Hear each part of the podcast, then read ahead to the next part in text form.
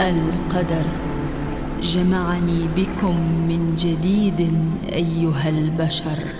مغامراتكم أتت بكم إلى سطحي. لستم الأوائل. لا قد أتاني هو من قبلكم. أتعرفون عن السندباد شيئا؟ هم لعلي أخبركم. إحدى حكاياته.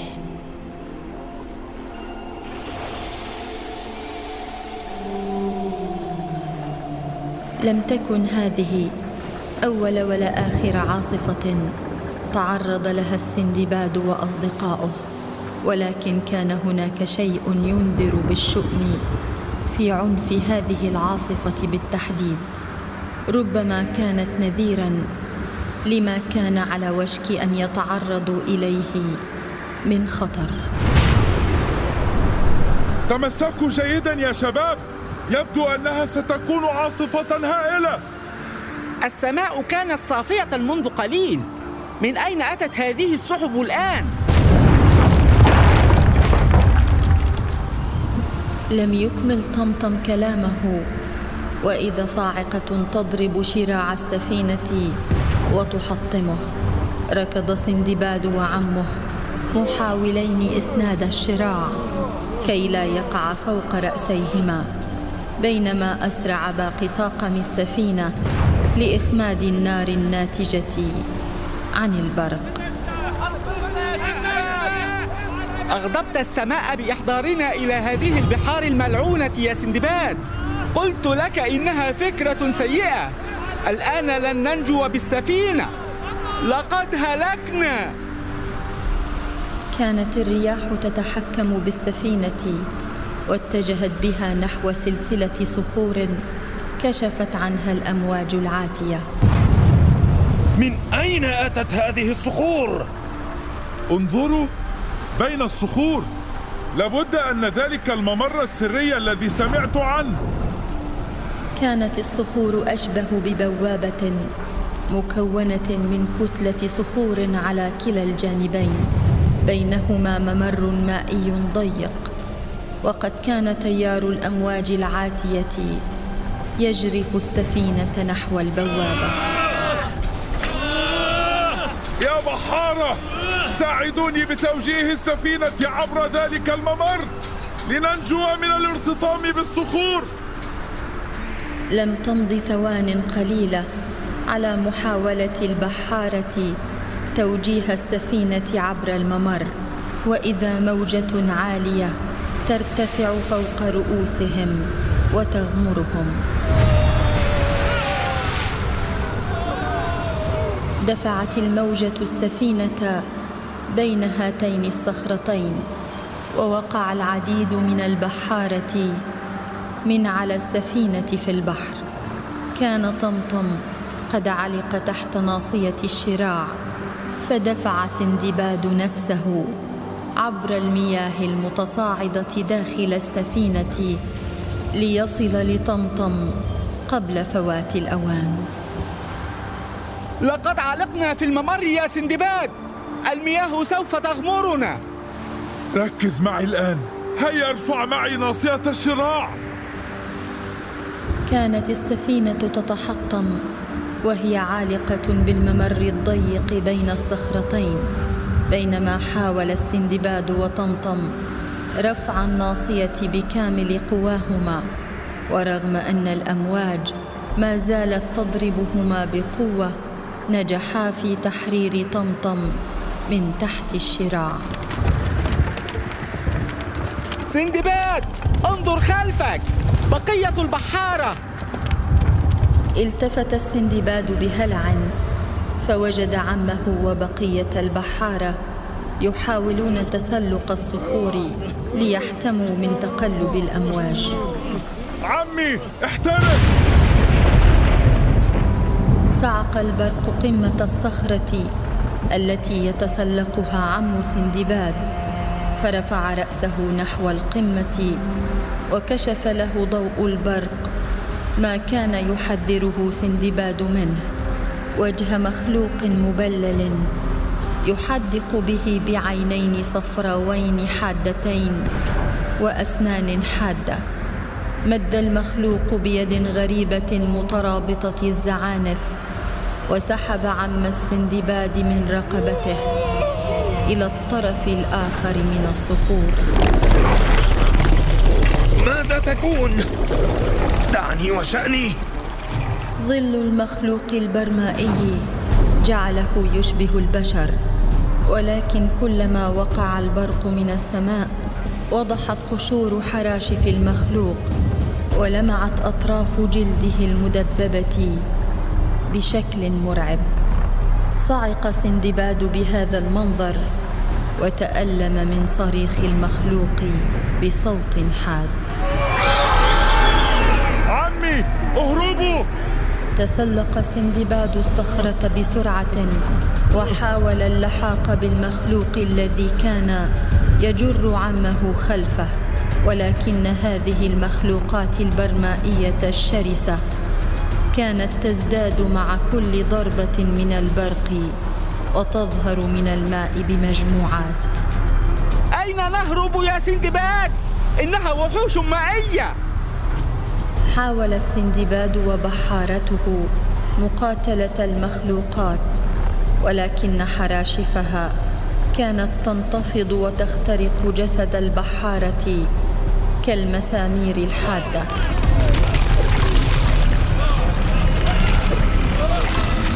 ولم يستطيعوا تحمل صوتها الذي كان يخترق آذانهم بحدة.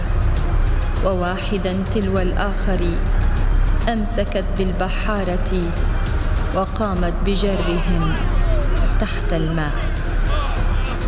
كان سندباد آخر من أمسكت به وقامت بجره هو بدوره تحت الماء فتعجب مما رآه. كانت الصخور على السطح.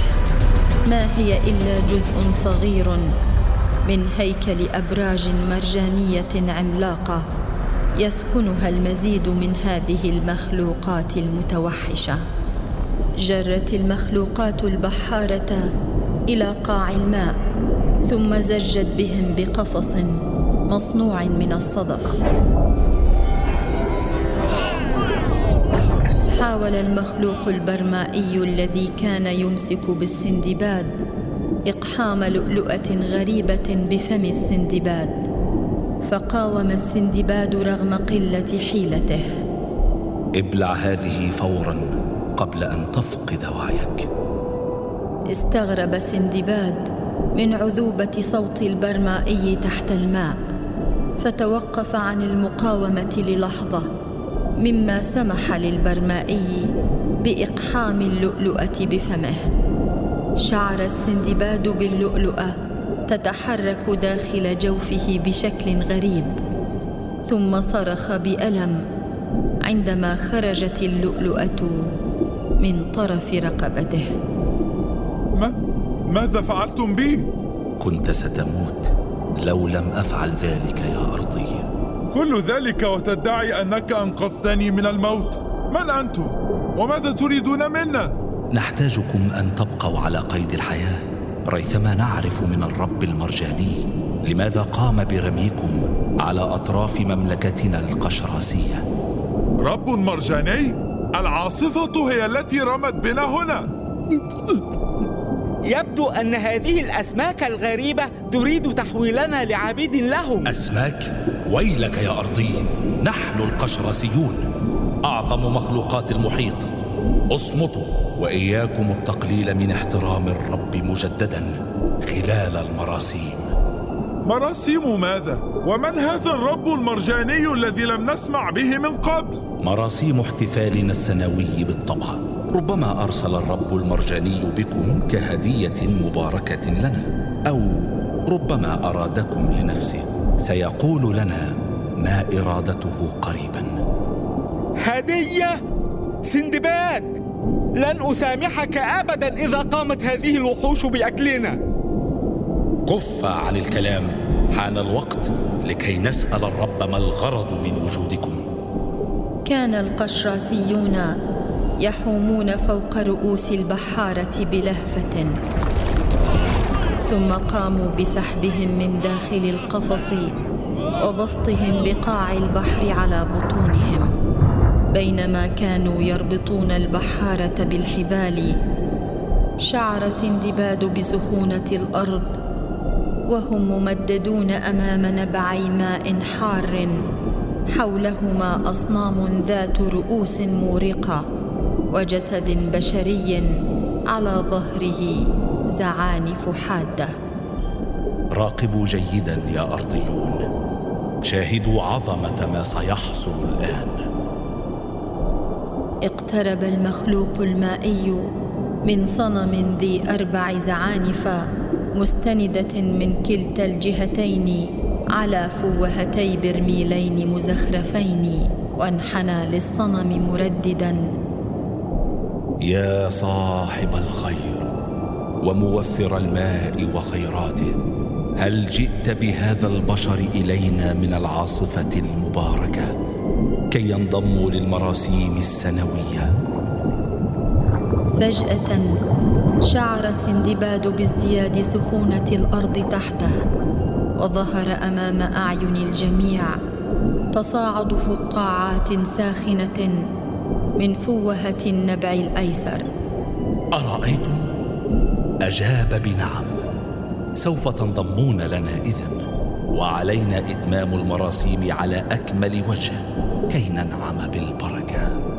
عرفت كل هذا من تصاعد فقاعات؟ هذه الفقاعات علامات من ربنا. إذا صعدت المياه من الطرف الأيسر فهذا دليل على الموافقة. هل يمكنك أن تسأله متى يمكننا الرحيل؟ لا أعتقد أن الرب يريد رحيلكم.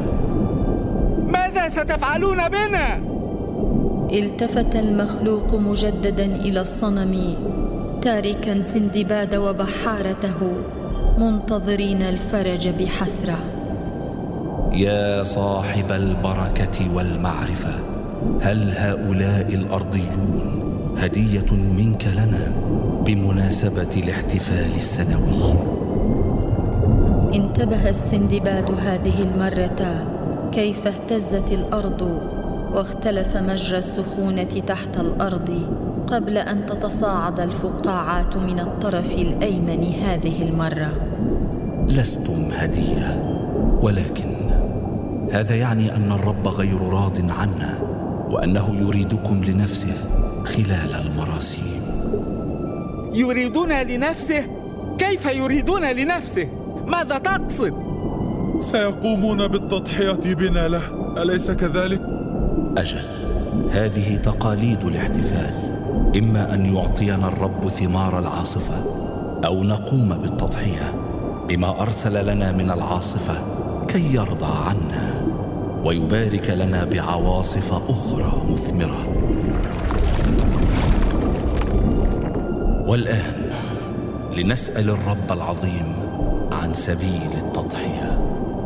سندباد افعل شيئا افعل شيئا.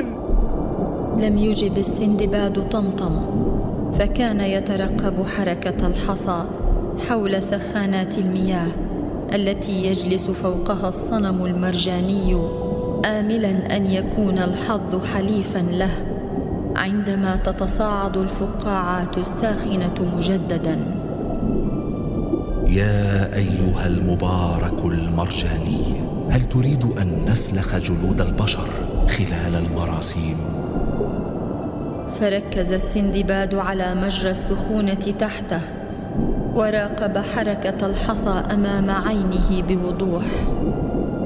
اهتز الحصى على الجانب الأيمن اولا وأدرك حينها بأن المياه ستصعد من الطرف الأيمن من الصنم. ستة سبعة ثمانية. قام السندباد بضبط الثواني بين السؤال واندفاع الفقاعات أمامهم. وعندما اندفعت المياه من الطرف الأيمن حاول الارتجال بسرعة وقال أترى لا يريد الرب أن تقوموا بذبحنا. ربما يريدون أن ننضم لكم. لا مكان للأرضيين وسطنا. إن لم يرد أن نسلخ جلودكم فلابد من أنه يريدنا أن نخلع أطرافكم وفقا للتقاليد. توقفوا! توقفوا! ألا ترون؟ الرب المرجاني غاضب! أليس كذلك أيها الرب؟ من سمح لك بالتحدث مع الرب؟ انظر! الرب سمح لي! لقد تحدث معي سرا! وستندمون إن لم تنصتوا إلي! أنت تكذب. ماذا قال لك؟ قال قال إنه أحضرنا إلى هنا! كي نشهد عظمته ونساعد القشراسيين بكسب رضاه. ولكن إن لم تفعلوا ما أمر سيقوم بلعنكم جميعا. بل حلت علينا اللعنة. إن لم نقم بالتضحية بكم سنبقى من دون أي أسماك نصطادها أو بركة تحمينا من الفرائس الأكبر. أنت مخطئ يا قشراسي. إنه يريد التحدث معي وأنصحك بأن تدعني أحدثه. إنك تغضبه بعصيانك. أنت كاذب. لن تخدعني بكذبك. دعني أثبت لك حقيقة كلامي إذن. اسأل الرب بنفسك. نظر سندباد إلى الحصى مجددا ورأى أنه بدأ يتحرك من الطرف الأيسر فقام بصياغة سؤاله بسرعة قبل أن تندفع الفقاعات. اسأله إذا كان يريد التحدث معي أمامكم. حسنا هل تريد أيها الرب العظيم أن تتحدث مع هذا المخلوق المتواضع؟ انصدم جميع القشراسيين لأن المياه تصاعدت من الطرف الأيسر. لا أريد إغضاب الرب باتخاذ قرار خاطئ. تحدث معه ولكن لا تنسى أننا نراقبك أنا فقط أريد أن ألبي أوامر الرب حتى وإن طلب أن أقتل هؤلاء البحارة بنفسي ماذا تفعل يا مجنون؟ أصمت أيها الجاهل اقترب السندباد من الصنم وحدق بحذر بالأرض إلى أن رأى الحصى المبعثر حول المكان يهتز بخفة بالقرب من الصنم الأيمن فقال بثقة يا صاحب البركة هل تمانع أن أنضم لهذه العشيرة المائية؟ تصاعدت الفقاعات المائية الساخنة من الطرف الأيمن. اقترب منه المخلوق المائي بسعادة وقال الطرف الأيمن معناه لا. لقد أصبحت برمائيا مباركا. سنحضر لك صندوقا من اللؤلؤ المسحور. كي تبقى لفترة طويلة معنا. لم أشعر بعظمة كهذه من قبل ولكن لم ينتهي حديثي مع الرب. التفت إلى الصنم مجددا وتظاهر بأنه يتأمل ولكنه كان ينتظر الحصى تحته ليتحرك ثم قال بابتسامة عند رؤيته لاهتزازه على الطرف الأيسر. يا صاحب المعرفة هل تريد أن أساعد القشراسيين بنشر أخبار وجودك إلى العالم الأرضي؟ تصاعدت الفقاعات الضخمة من الطرف الأيسر بقوة فاندهش المخلوق المائي بهذه المعلومة وقال الطرف الأيسر يدل على الموافقة هل هذا ممكن؟ أرأيت يا أخي يجب أن تدعنا أنا والبحارة كي نكمل رحلتنا. الآن أصبحت رحلتنا مباركة بفضل صاحب المعرفة. ولدي هدف واضح رأيته بنفسي من الرب بفضلكم. إذا أخبرت العالم بوجود الرب المرجاني سوف تزيد البركة. يبدو أنه علينا الرحيل من هذا المكان المبارك لكي نلبي طلب صاحب البركة ونخبر العالم الأرضي بوجوده. كم أنت حكيم يا أيها الرب؟ بهذا الشكل سيحترم الأرضيون بحارنا ولن يستخفوا بشعبنا. أعدك بأنه لن يتجرأ أي أرضي على الاستخفاف بكم. أليس كذلك يا رجال؟ بلى بلى. بوركت يا صاحب البركة. فكت المخلوقات المائية الحبال من حول البحارة. ثم ودع زعيمهم سندباد بحرارة وهو يشير للبحارة بالصعود إلى السطح. قلوبنا معك يا أخي سندباد وأرجو ألا تخذل صاحب المعرفة. البركة التي معكم أصبحت معي فلا تقلق. وبذلك بدأ البحارة بالصعود إلى السطح. بارك الرب فيك يا أخي. أتعرف يا سندباد؟ أحيانا تكون عبقريا حقا. شكرا يا عمي. والآن يا جماعة أرجو أن تكونوا مستعدين لسباحة طويلة. وبينما أخذت الخياشيم تنقشع عن رقبة السندباد وجميع البحارة. بدأوا بالسباحة بعيدا عن صخور القشراسيين وعن نجاحهم الأخير في خداع الموت.